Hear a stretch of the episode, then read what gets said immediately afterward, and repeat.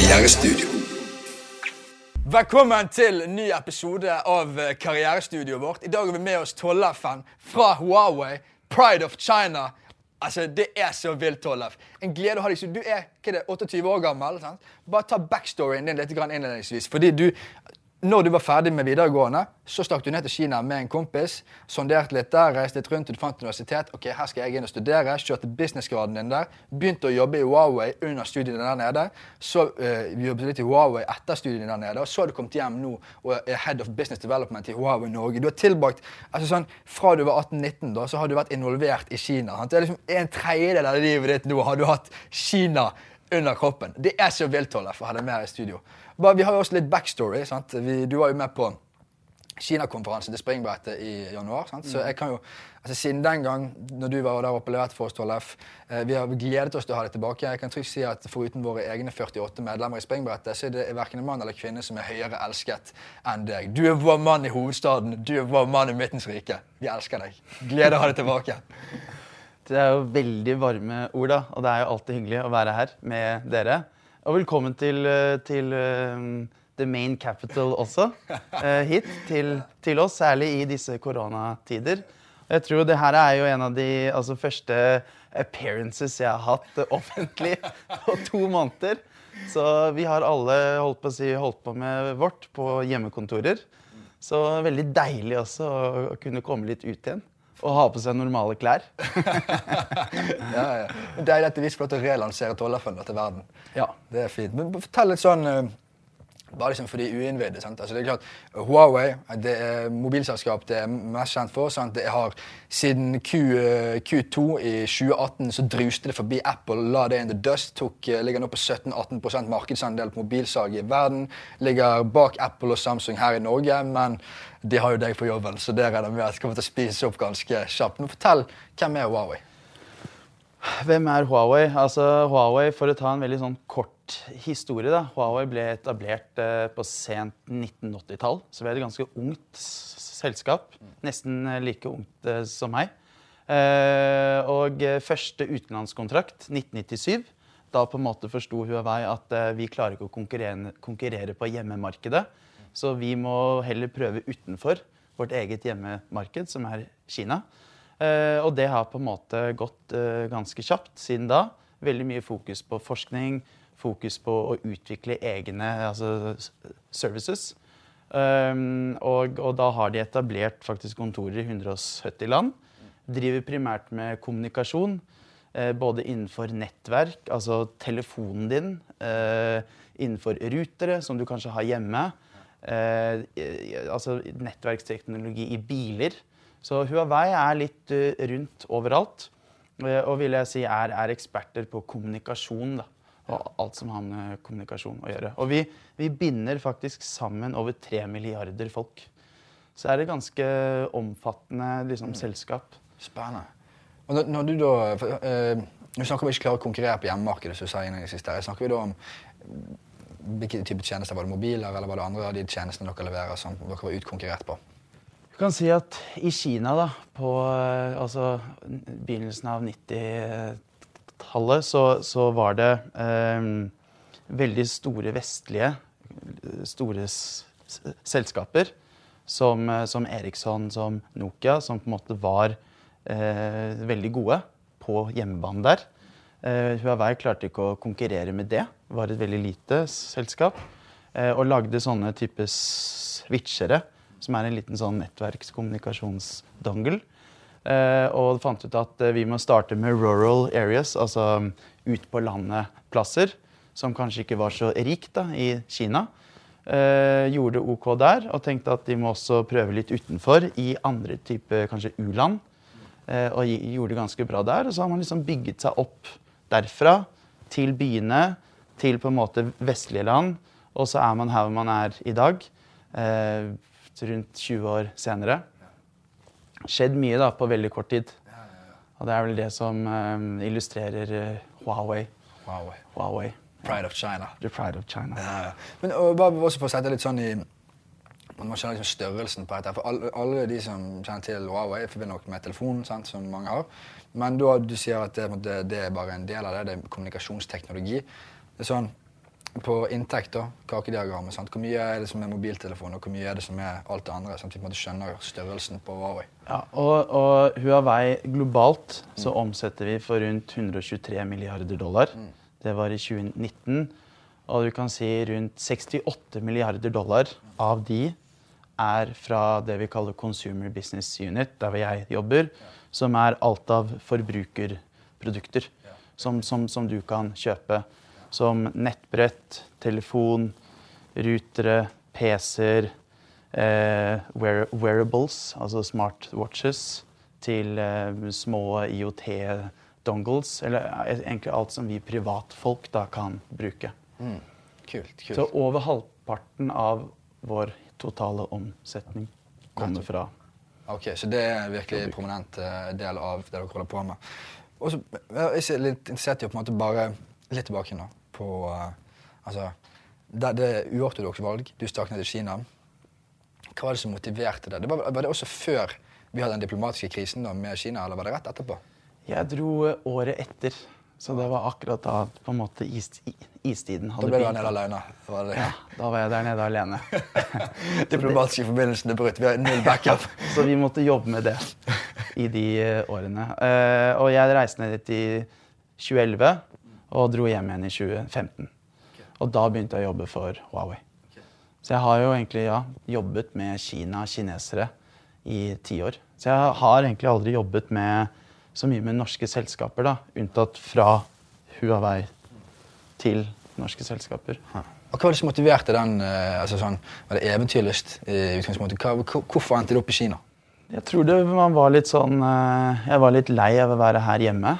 Og eh, man hadde liksom gått på de samme skolene, samme vennene. Tenkte at nå må man, eh, nå må man ta fart og komme seg ut. Så hadde jeg også en far som var ekstremt på og sa at eh, du kommer til å takke meg om ti år. Du må bare gjøre det her nå. Og du skjønner ikke enda, men du kommer til å skjønne det. Så, så da, da begynte han å ta kontakt med universiteter og var helt på. Og jeg visste jo nesten ikke hva jeg skulle si engang. Og så dro vi dit, ned dit på ferie. Møtte en annen kompis som var også helt sånn game, som var litt som meg. da. Og tenkte at vi kan ikke være i Norge lenger, Tollef. Eh, og så sa vi ja, men da tar vi et halvt år av gangen, da. Og så reiste vi ned, og da fant vi ut at dette var jo stedet for oss. ja, Hvorfor da- det? Hva var det som, var sånn, hva var det som fanget oppmerksomheten? Jeg tror det bare var eh, altså den eh, Alt går så fort i Kina. Du er vant til at uh, her i Norge tar det 28 år å bygge en motorvei. Sant? Du er vant til at um, Fornebubanen, som de skulle bygge i 1997, den er ikke bygget ennå. Så du er på en måte man, man blir veldig sjokkert over at der nede så kunne det være et nytt nabolag som ble bygget opp på, på en måned. De bygde nye T-baner, og det kom ny utvikling. Digital payments kom. Eh, imens vi var der. Eh, vi møtte jo så mange folk fra 190 forskjellige land som vi ble kjent med, som på en måte hadde helt andre ideer og en helt annen tankesett da, enn det vi var vant med fra Norge. For vi hadde en veldig stor skepsis til Kina når vi dro dit. Men vi fant ut at herregud, alt det vi har lest og lært, er jo egentlig feil. Eh, og da tenkte vi at eh, det her må vi oppleve mer av. Så da ble vi bare år på år på år. Og etter jeg hadde vært der i to år, så forsto jeg at jeg kan jo ikke dette landet i det hele tatt. Så det, det tar liksom to år for å forstå at du ikke kan noe. Fordi du tror at du kan ting. Og så, og, og så finner du ut at du har misforstått på en måte hele kulturen. Så, så de neste to årene da, brukte vi jo da mye mer tid på, på måte, å lære oss mer om, om kulturen som forandrer seg dag til dag. ikke sant? Fra, fra da vi flyttet ned dit, så har jo altså GDP-en i Kina har jo økt med 40-50% altså på ti år. Så du, du kan jo ikke sammenligne landene for ti år siden. Okay. Men akkurat det du sa der, sånn at kulturen forandrer seg. Eh, mener du at kulturen i Kina hvordan, ja, altså den, er den mer dynamisk enn den er her? Jeg tror jo fra sånn kulturperspektiv, da, så tror jeg hvis det er én ting som binder Kina veldig sammen, så er det kinesisk matkultur. Eksempel, du, du er eh, Hvis du sier til en kineser at du ikke liker kinesisk mat, da har du på en måte ikke noe i landet å, å gjøre, da, for da liker du ikke kulturen deres. Så, så jeg tror jo at kinesere er jo som folk flest. Alle har sin egen kultur. Eh, alle altså, holdt på å si, liker jo sitt eget hjemland. Eh, så lenge ting går bra og man opplever en vekst og folk får det bedre, eh, så på en måte tror jeg at alle regioner har litt av sin egen kultur sånn sett. Og det er vanskelig å definere en kultur, da, syns jeg. Fordi du kan jo møte de som har gått på skole i Italia fra Kina, som har det tankesettet. De som var i Norge og fikk det tankesettet, som ble en miks av kinesisk og, og uh, norsk kultur. sant? Og så har du de kineserne som jobber i Huawei, da, for eksempel, eller Huawei, vi sier Huawei i Norge, som har vært i kanskje åtte, ni, ti land og jobbet for Huawei. Som bare har lært så sinnssykt mye om så mange kulturer. Og kan bruke det i jobben sin. Kult. Og hva når du reiste ned til Kina, hva var på en måte hva er sånn, sånn skarpeste sånn, omstillingen? På en måte, her må vi på en måte tåle her må bare operativsystemet skiftes ut. Sant? fordi at uh, det du tok med deg hjemmefra, det funker ikke. Vi må ha nytt, nytt operativsystem. Hva er på en måte kan du trekke frem én ting? Altså, du har liksom den nettverkskulturen Guangxi som spiller en uh, veldig stor rolle. Jeg kan preke litt om det, men ja, noe annet du kommer på?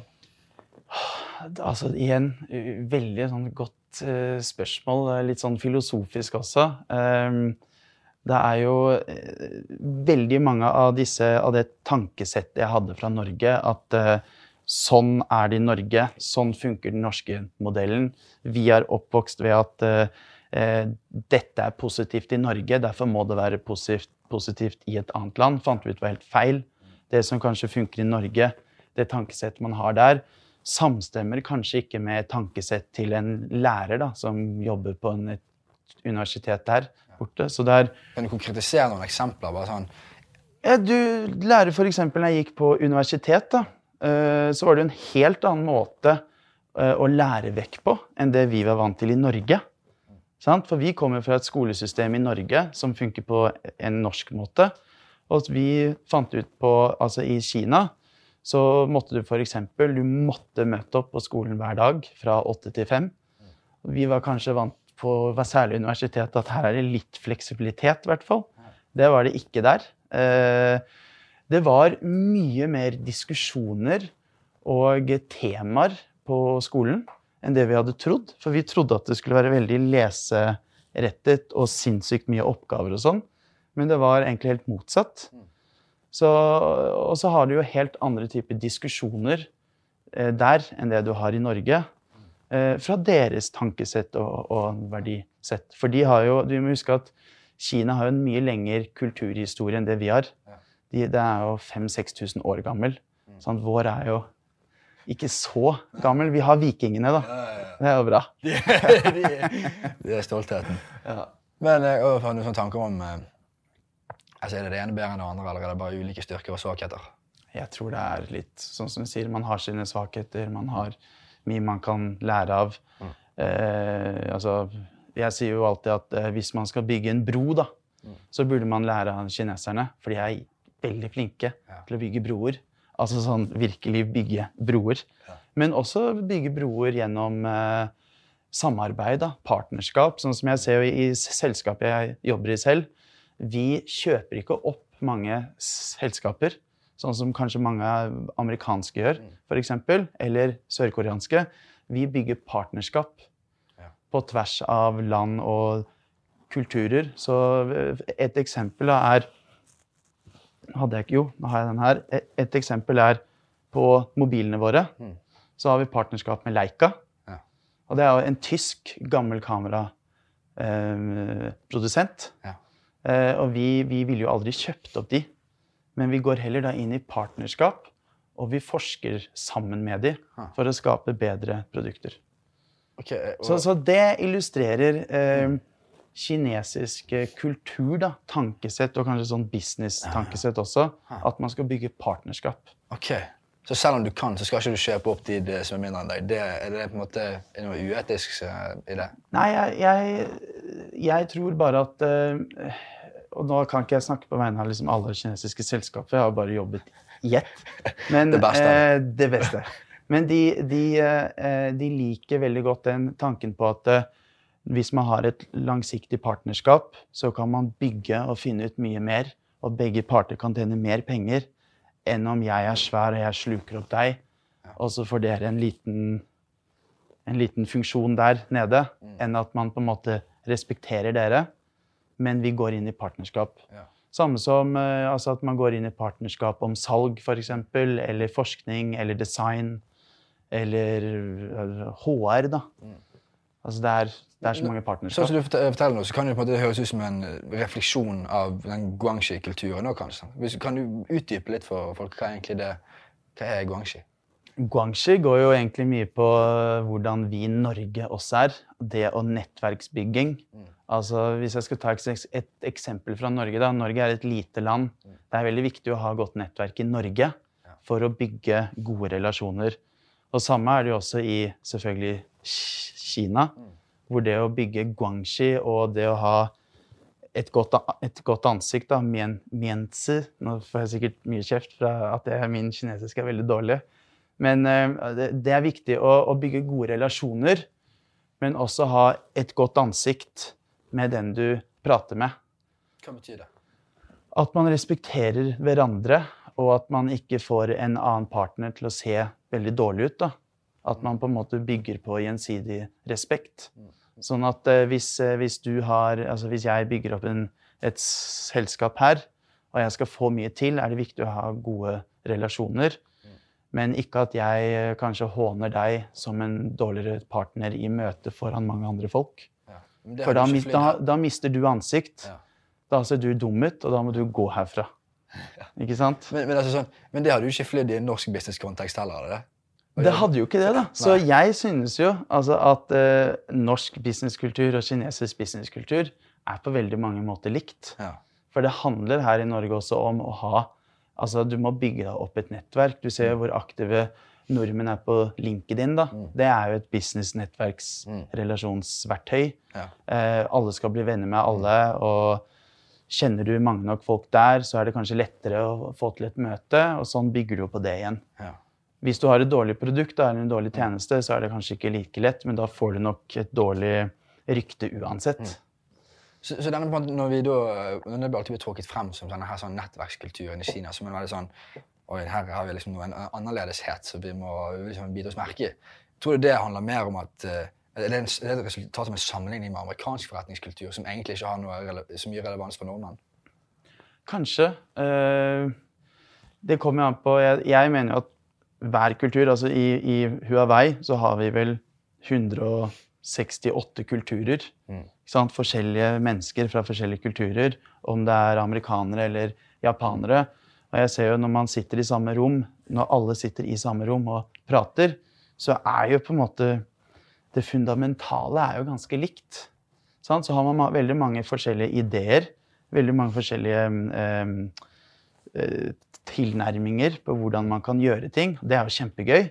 Men jeg føler det derre Det fundamentale med å ha partnerskap, nettverk og den delen der er ganske lik. Kanskje mm, en forskjell da, er at i Kina vektlegger de partnerskap kanskje enda mer. Ved at eh, vi må bygge gjensidig liksom, vi, vi må ha en gjensidig tankegang, da. Eh, I Norge er det kanskje litt mer sånn OK, men det du har på bordet, det vi har på bordet, det ser OK ut. Da kan vi gå videre med det. Ja. Mens i Kina er det kanskje litt mer Smelte sammen som en enhet? Smelter litt mer sammen som en enhet, ja. Ja. Er det, er det mer lojalitet eh, til partnerskap når det først er på en måte fått, eh, når det først har begynt å smelte sammen? Er det sånn at da vil man at det vil en høyere terskel for å benytte en annen leverandør da, for eksempel, enn i Norge? At det ikke, bare, at det ikke kun er en priskonkurranse? Ja, også igjen, veldig sånn godt spørsmål. Um, vi vektlegger veldig godt altså lang, langsiktige partnerskap. Men selvfølgelig, det er jo alltid, og det er også veldig gøy med å jobbe innenfor det vi jobber med, altså høyteknologiske løsninger, at uh, plutselig så kommer det inn en ny uh, aktør i markedet, har en bedre tjeneste. Det er mye som skjer. Det er kanskje et nytt betalingssystem, en, et nytt produkt, som man da tenker at oi, dette er en bedre løsning. Da må man se hvordan man kan samarbeide med dem, eller hvordan man skal takle, takle de. Eller integrere de med oss, som Ja. vi vil. Ja, Integrere de med dere Ja. i partnerskap. Alle skal med. Alle skal Alle skal med. Det er altså en nydelig tanke. Ja. Istedenfor den 'alle skal spises'. Ja, skal, alle skal med. Alle det skal- var jo, har jo vært valgkamp her i Norge. Alle skal med. Fett. Jeg vil snakke litt sånn om eh, ledelse. Altså, sånn, du er jo eh, 28, allerede på en måte leder for et team her i, i Norge. Jeg har hyret seks mann siden korona begynte. Det er jo eh, veldig kult å høre at, på en måte, at ting flyr da, i Huawei. Vi prate litt om det, på en måte, hvordan det er å hvordan er det å være leder i så ung alder? At man allerede får et uh, solid team under seg. Ja, nå, ja det, um, hvordan det er, det er litt vanskelig å si. Jeg føler jo uh, Man er fortsatt så Man er jo, man er jo Jeg er jo 28 år, så man må være, være veldig ydmyk, føler jeg, da. Og ikke tenke så mye på lederskap eller noe sånt, egentlig. Bare tenke på at man, er et, liksom, at man samarbeider godt. eh, og at man ansetter gode folk. Som man på en måte kan behandle på samme nivå. da. At jeg tror det funker ofte mye bedre enn å være veldig sånn top down Ja, ja. det typ. Er det noen utfordringer på det som kommer spesielt av å være leder som ung? Ja, at man, eh, at man kanskje kan mangle respekt, da. Altså det jeg har hørt eh, flest ganger eh, eh, når jeg var yngre også, da. Nå er jeg jo i, i veldig manges øyne altså veldig ung. Eh, er at de sa alltid til meg Men du er så ung, Tollef. Ja. Det er en litt sånn hersketeknikk, sant? Som vi unge har hørt mange ganger. Eh, og det skal man jo respektere at man hører det. Men jeg husker mitt svar da ofte var ja, jeg jobber med saken. For vi kan jo ikke noe for at vi er på en måte den alderen vi er. Men eh, jeg tror på en måte vår generasjon, da, og vi er generasjon Z. Sant? Nå håper jeg ikke jeg sier noe feil. Vi er generasjon Z. Ja. Nei, millennials er jo vi. Generasjon Z er etterpå. Vi er millennials. Ja, det er jo vi, sant? Og eh, jeg tror kanskje fordelen med vår generasjon er at vi vil ha veldig mye gjort. Og vi tenker kanskje ikke så bokser. Vi tenker på mange forskjellige muligheter da, som du kan, du kan få. Uh, og jeg tror at uh, generasjon Z, som kommer etter oss igjen, de ser jo det her. Uh, så de ser kanskje veldig opp til millenniumsgenerasjonen. da. Så å være liksom en, en leder eller å ha ansatt folk som i hvert fall er yngre enn deg selv igjen, de ser veldig opp til deg. Men jeg ser jo veldig opp til mine ledere også. Så vi har jo gått fra å være ganske få i min avdeling til å bli veldig mange på veldig kort tid. Og vi har jo ansatt nå egentlig alle under koronaperioden. Ja. Og det har jo vært uh, veldig utfordrende. For du sitter jo hjemme og har videomøter og skal drive med opplæring uh, og på en måte få ballen til å rulle. Så jeg må si at de ansatte som blir, eh, som blir ansatt nå under korona, er jo også veldig tøffe, da. Ja, ja. Som hopper inn i et nytt selskap, så sitter man bare hjemme foran PC-en og, tenker Gud, hva er det jeg har hoppet inn i Det nå? er vanskelig for integrert teamet. da. Ja. Teambuildingen den er en utfordring. Det er en utfordring. Ja. Man kan drikke øl, da. Gjennom på en måte kan gjøre det. Det er vilt. Gjennom PC-en. Faen, Hadde bare VR-teknologien vært litt lenger fremme nå, så var det null problem. kommer. Da er det st- Fem år fra nå så står vi og klubber hjemme sammen. Du, vi gjør det. Ja. Og eh, da kan jeg spørre deg, hva må til for at vi skal få en skikkelig, skikkelig god VR-opplevelse? I, I live, altså i real time. Hva må til? Altså, Umiddelbart tenker jeg at uh, teknologien må gjøre en eh, må ha et par fremskritt der. Vi må det. Ja. Vi må ha bedre båndbredde. Ja, bedre båndbredde! Ja, ja. Og ka- kanskje 5G kan Mindre responstid. Jeg lurer på, Er det 5G? Kan det hjelpe? Vi trenger 6G. Nei, 6G. Nå, nå snakker ikke vi så mye om 5G lenger. vet du. Nå er det 6G. som- Ok, men dere, dere gjelder. holder, på- Huawei holder på å rulle ut 5G, men alle er i gang med å snakke, snakke om 6G. stemmer det? Ja, vi har faktisk eh, Nå er det ikke vi som ruller ut 5G, men op operatører kjøper på en måte 5G-gear av Huawei, som er en, en telekommunikasjonsplattform. Men vi startet faktisk allerede i fjor, var det vel, eh, opp et eget, en egen forskningslab kun for 6G. Okay. Så vi, jobber, vi har allerede begynt nå å ta patenter for 6G-utviklingen. Kult. Men kan vi allerede bare, sånn, bare ta det ned der på en måte for de som eh, er mer inkludert, som ikke skjønner egentlig hva 1G, 2G, 3G, 5G er for noe? Hva er det? Hva er det? Hva er det? Altså Veldig enkelt eh, forklart så er jo 5G er jo Når du er på mobilen din, så ser du veldig enkelt 4G-tegn oppe i høyre hjørne. Nå begynner man kanskje snart å se 5G-tegn. Og det det betyr for oss vanlige folk, er at du får bedre nedlastningshastighet og bedre responstid. Så hvis du spiller et spill, da, skikkelig hardcore, altså tungt grafisk spill, og du spiller live med 800 andre folk, og du spiller det ute på kaia, så er det veldig lav lag i spillet.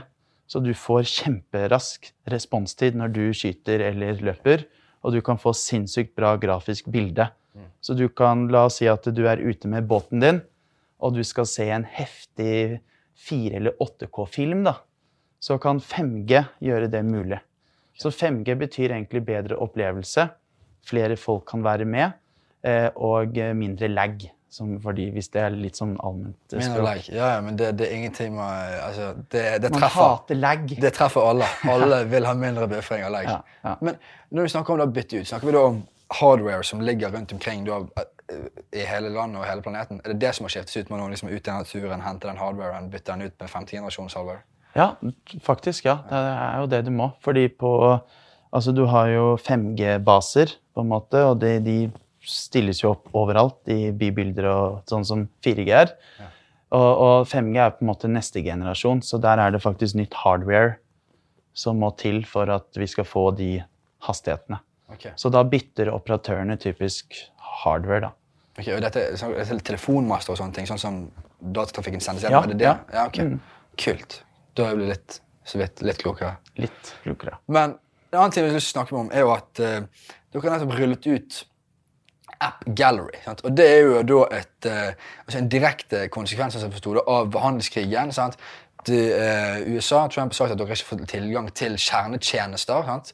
Og som kjernetjeneste ble jo da eh, Android sin, eh, ikke, eh, sin hva, hva kalles den? Google Play. Det heter. Google Play-butikken sin app-galleri ble regnet som en kjernetjeneste. Huawei får ikke lov til å bruke den. Sant? De må sparkes ut. Huawei responderer da med å hyre inn 30 000 utviklere og bare Nå kjører vi, folkens! Nå skal vi ha vår egen appstore opp og gå. Ja. Og nå har dere lansert App Gallery, da, som er da den tredje aktøren på markedet. Sant? Der har du hatt Duopol, du har hatt Apple Store og så har du hatt Google Play, og nå kommer App Gallery fra Huawei. Det er jo den, den storsatsingen som dere holder på med nå for tiden. Kan du på en måte få forklare litt mer? Eh, hva er egentlig App Gallery? Hva er App Gallery? Det er jo egentlig, For oss er jo dette kjempekult. Fordi vi har jo plutselig fått enda mer å gjøre i Huawei. Eh, vi har ansatt masse folk, som du sier. Um, og dette er, altså det, dette er eh, veldig enkelt forklart en markedsplass for å laste ned applikasjoner eh, og, og utforske på en måte content og tjenester eh, på Huawei-mobiler. Hva som kommer i fremtiden, kan jo være at det blir enda, enda mer. Eh, men eh, men App, App Gallery er, er egentlig der du får lastet ned dine, alt det du vil. Eh, og det bygger vi opp nå. Og dette er jo ja, på en måte en, en konsekvens av på en måte det store politiske bildet vi ser nå. Men jeg fikk vite om dette prosjektet egentlig for mange år siden også. Og App Gallery ble lansert faktisk i 2011. Eh, Første gang lansert i Europa i 20, 2000 og, 2017-2018. Så da på en måte rullet ut. Og nå eh, er det Når du skal kjøpe en Huawei-telefon nå, så får du ikke Google Play eller Google tjenester, men du får, du får eh, App Gallery. Okay. Og bare sånn det er forklart, da, App Gallery er fortsatt basert på Android i bunn. Og alle telefoner i dag utenom Apple bruker jo Android. Så på en måte overgangen da, er, er ikke så heavy som man skulle tro. Så det jobber vi med nå. Vi har gått fra å være én ansatt i Norge, som var meg, i eh, november, og nå er vi tolv ansatte. Eh, har ansatt mange nye. Norden er vi virkelig begynt å bli mange nå. Altså, vi, vi har ansatt en 40-50 folk på veldig, veldig kort tid. Som du sier, i Kina har vi 5000 utviklere som skriver tre millioner lag med kode hver dag. Eh, og 100 000 av de er valid. Og det er eh, for de som er litt utviklere, da, det er ekstremt mye. Så vi, eh, vi er et selskap som ekspanderer fort, og som på en måte Vi må jo respondere, for vi har jo supermange Huawei-fans. Folk elsker telefonene våre. Eh, og vi ønsker bare å gi på en måte det, det beste produktet for de. Og Huawei er litt som et, eh, et hastighetstog. Vi stopper ikke på perrongen, på en måte. Vi gønner på videre. Så, så det jobber jeg med nå. Da. Det er jo en veldig kul jobb. Kult. Og Du sa du ekspanderte fra 1 til 12 ansatte i, Norge. Du sier at kodeavdelingen eh, i Kina så regner ikke med at noen sitter her hjemme og skriver kode. Hva er det man... Vi skal, vi skal ansette. Og du skal det, ja. Men hva er hans bidrag, da? Du sitter tusenvis av folk der og skriver kode. Altså, han, han skal eh, Vi har jo uh, utviklere i hele verden. Ja. Altså, Kina er bare én plass hvor, hvor vi lager mye. Men vi, vi ansetter utviklere rundt omkring i hele verden. Vi ser etter folk i Norge også på det.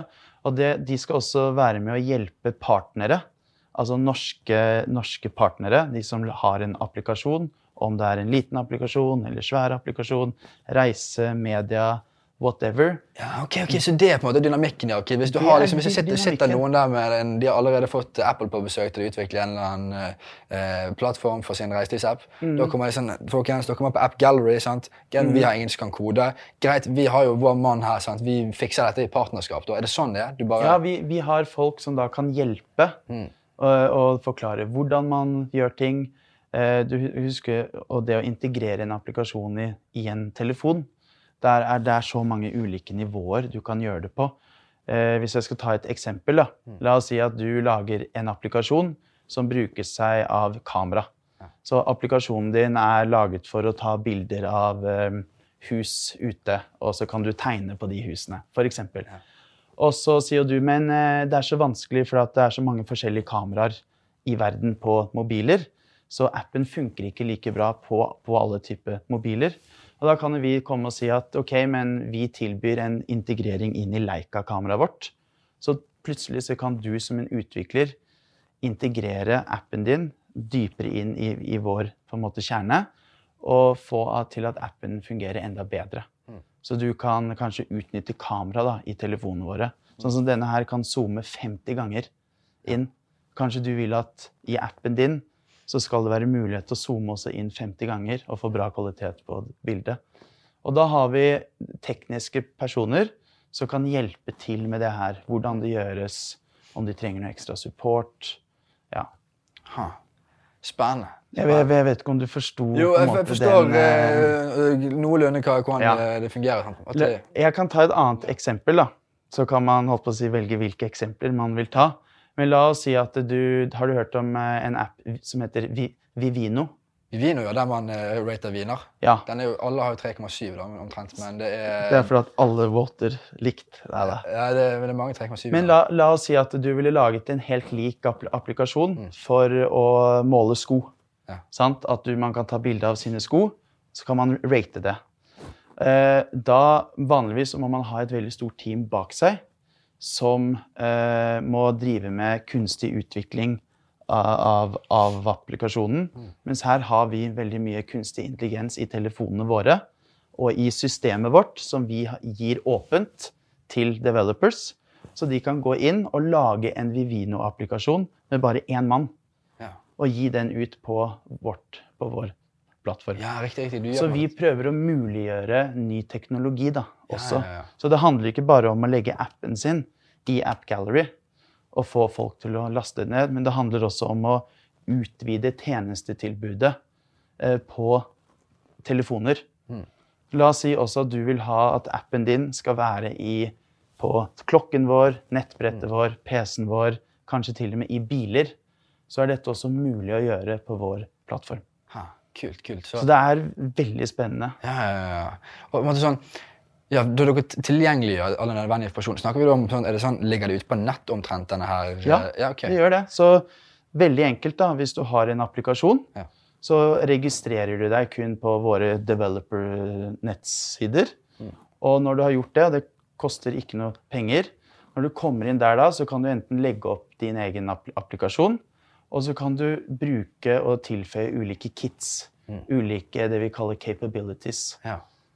til din applikasjon hvis du vil det. Hvis du vil bygge ut appen din enda mer. Så det er veldig enkelt. Okay, og det kommer helt sånn forpliktelsesløst? Det er ikke sånn, nødvendigvis sånn at man uh... Helt eh, ikke noe Du bare lag, Ja, lager en konto. Altså, litt sånn som Bankenes situasjon, de også, de må jo dele sine eh, brukerdata nå, sant? så man kan bygge applikasjoner på disse dataene. Sant? Så tror jeg det er sånn. Men de er vel lov, lovforpliktet til å gjøre det også nå i forbindelse med GDPR, tror jeg. Ja, du må være, Hvis du skal drive med noen systemer i Ja. Europa, så må du være fullstendig GDPR-compliant. Ja, ja. Mm, mm. Det er, er også vi. Ellers Ja, ja, det, det, det, stoler jeg på. Jeg vil snakke litt om måte, eh, Huawei som en, eh, som en arbeidsplass. Sant? For Noe av det vi, vi gjør, er jo å avdekke litt eh, muligheter for studenter. Sant? Og på en måte få det frem pannebrasken her. Sant? Hvor, hvor skal vi jobbe, eh, jobbe i fremtiden? Jeg skal jo selvfølgelig jobbe i Huawei. Men, men for mange så tenker jeg at det er nok ikke en, eh, eh, noe som sånn figurerer langt fremme i hodet sant, som en sånn potensiell arbeidsgiver. Sant? Man tenker at eh, Huawei er noe som eksisterer nede i Kina, noe man ikke har noe forhold til her hjemme. Men her er du, sant? og det, eh, jobber på Oslo-kontoret til Huawei med et team av folk her. Så kan du bare fortelle litt om størrelsen på det, funksjonene, hvem er folkene? Hva, du har fortalt litt om hva du holder på med med App Gallery, men bare sånn, gi oss oversikten der. Altså, I Norge er vi rundt eh, 200 ansatte. Ja. To kontorer på Fornebu, faktisk. Eh, Vi er vel eh, 60-70% lokale. Eh, Og vi er en miks av egentlig mange nasjonaliteter. Altså vi er fra veldig mange land. Eh, Og da jobber man jo med alt fra markedsføring til vi har, vi har systemingeniører, vanlige ingeniører, mye salg logistikk, service. Eh, og akkurat nå om dagen så ansetter vi veldig mange forretningsutviklere også, som skal være med på en måte å bygge opp og utvikle det norske markedet. Og det syns jeg er veldig kult, fordi jeg mener jo på, på lang sikt så kommer nok Huawei og f.eks. våre mobiler til å bli en av de mest lokale eh, mobilaktørene i verden. Hva mener du med det en lokal mobilaktør? Fordi altså, vi, går, vi ansetter jo, som du vet, mange folk. Forretningsutviklere Mm. som skal være ute og snakke med norske partnere. Integrere norske partnere i vårt App Gallery.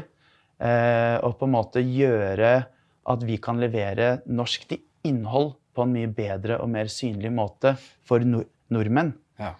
For eksempel har vi kommet med en tjeneste som heter Huawei Video, som er en, video, eh, en videoapplikasjon. Der du kan leie filmer fra USA eller England, wherever.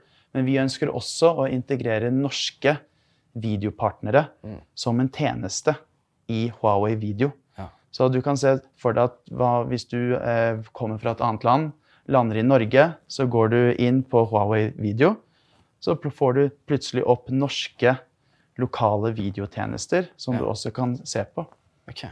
Og det er, det det er derfor vi ansetter også så mange folk. Mm. Vi skal jobbe med innholdspartnere i Norge. Og vil- du si at den modellen skiller seg litt fra altså, hvordan Apple og eh, Samsung gjør det? Kjører de inn mer sånn alt ut av hovedkontoret og ikke så noe særlig lokal tilstedeværelse? Altså, jeg, jeg, jeg kan jo ikke svare for hva de gjør, men jeg mener at vi sentraliserer ikke så, så mye, da. Vi lokaliserer. Ja. Så vi har jo folk som meg i 170 land som nå er ute og snakker med lokalmarkedet Mm. og implementerer dette i mobilene våre, eller i økosystemet vårt, da, Mm. som vi sier. For vi lager jo ikke bare telefoner.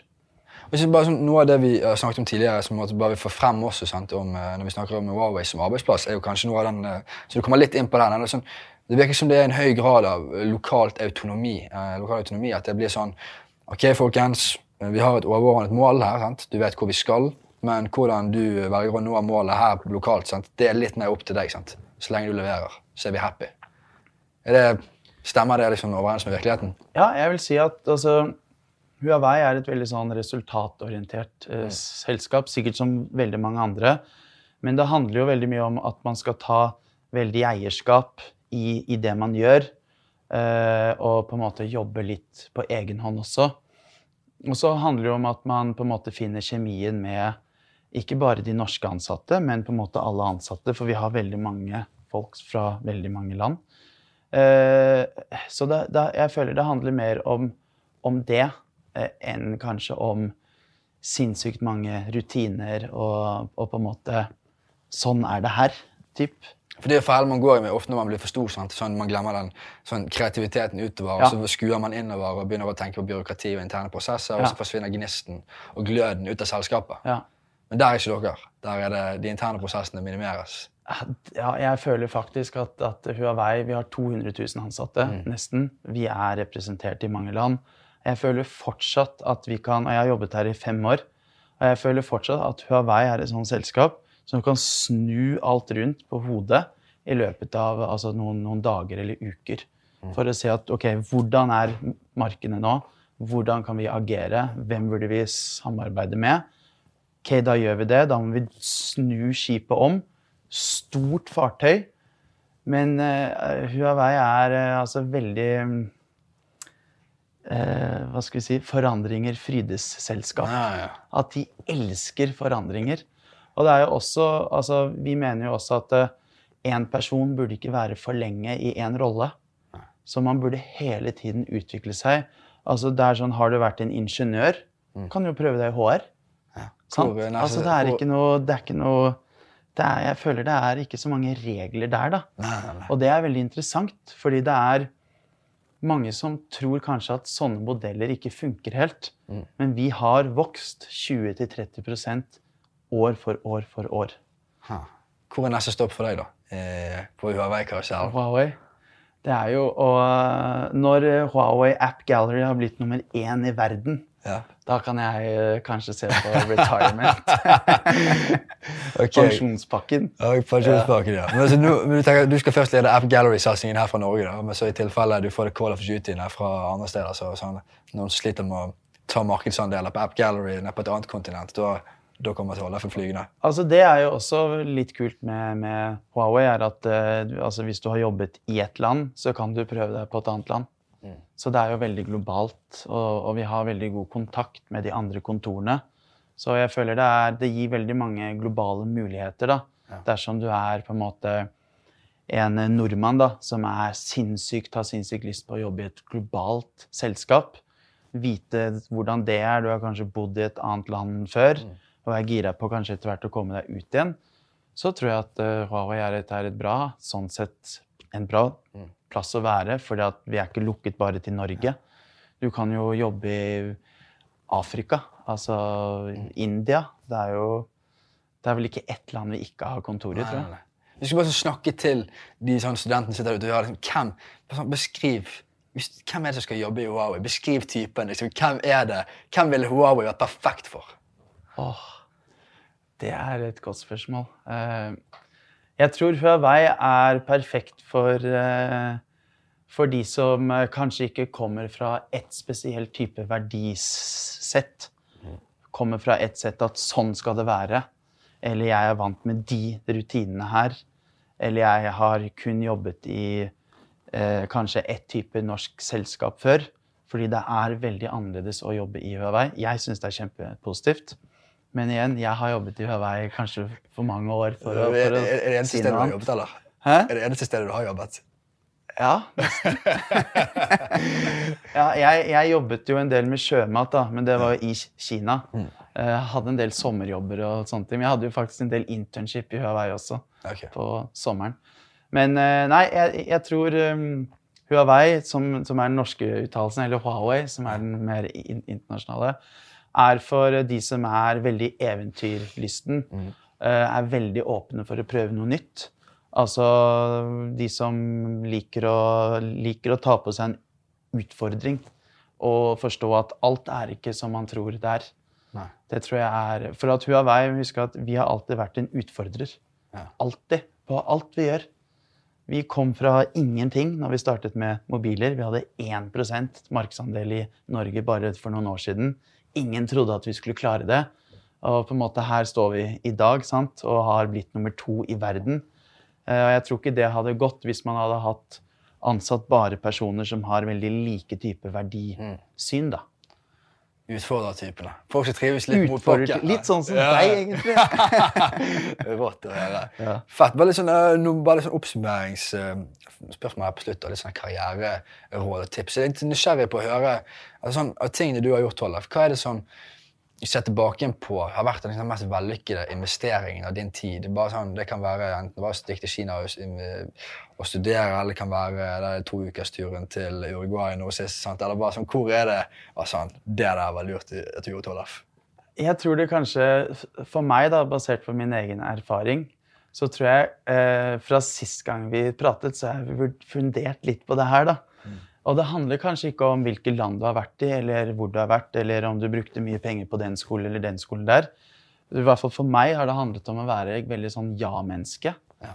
Og eh, når du blir ansatt eller du jobber en plass, så selv om det er jobben din, så må du selv aldri tenke sånn. Nei. Fordi jeg har aldri tenkt at, at det jeg er ansatt for, er bare det som er jobben min.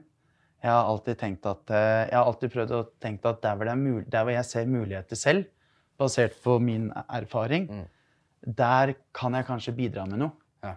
Jeg har alltid hørt veldig mange ganger opp, opp gjennom karrieren min at det er sånn, litt sånn Men Tollef, det er kanskje ikke helt jobben din, eller Ja, men du jobber jo mer der. Så jeg tenkte sånn Ja, men hvis jeg mener at dette er bra for selskapet, så, så hvorfor ikke, da? Og det er bedre å be om tilgivelse enn om lov. Mye bedre. Ja. Hver eneste gang. Ja, Det har jeg lært av å jobbe i selskapet. Nå vil jeg kanskje få litt kjeft. Jeg vil ikke si at det er normal, men, eh, men Det er en sånn uuttalt mal egentlig uansett hva man holder på med. Ja, man får bare ikke lov til å si det i de offisielle papirene. Nei, jeg kan, jeg kan, si det, men jeg kan ikke skrive det. Eh, og så tror jeg også at eh, Og da går det jo igjen på den erfaringen du har. Så hvis du har levd i forskjellige land, eller du har pratet med de personene, eller du har hjulpet en person med den oppgaven, eller fått et nytt eh, personlig kjennskap, da, så kan jo det hjelpe deg videre i karrieren din mm. å gjøre kanskje et annet valg som du egentlig ikke ville gjort. Ja. Så for meg så har det å vært i Kina, det å fått eh, altså masse forskjellige venner som jeg fortsatt har kontakt med den dag i dag mm. eh, Altså opplevelsene har gjort at kanskje jeg er der hvor jeg er i dag. Ja. Og det er derfor jeg syns det er så kult for de folkene som drar til Kina. For der har jeg vært. Men hvis jeg hadde bodd i um, et annet land, så hadde jeg syntes det er kjempekult at jeg hadde vært der. ikke sant? Ja. Så det handler bare om litt hva du gjør, og hvem du møter. Mm.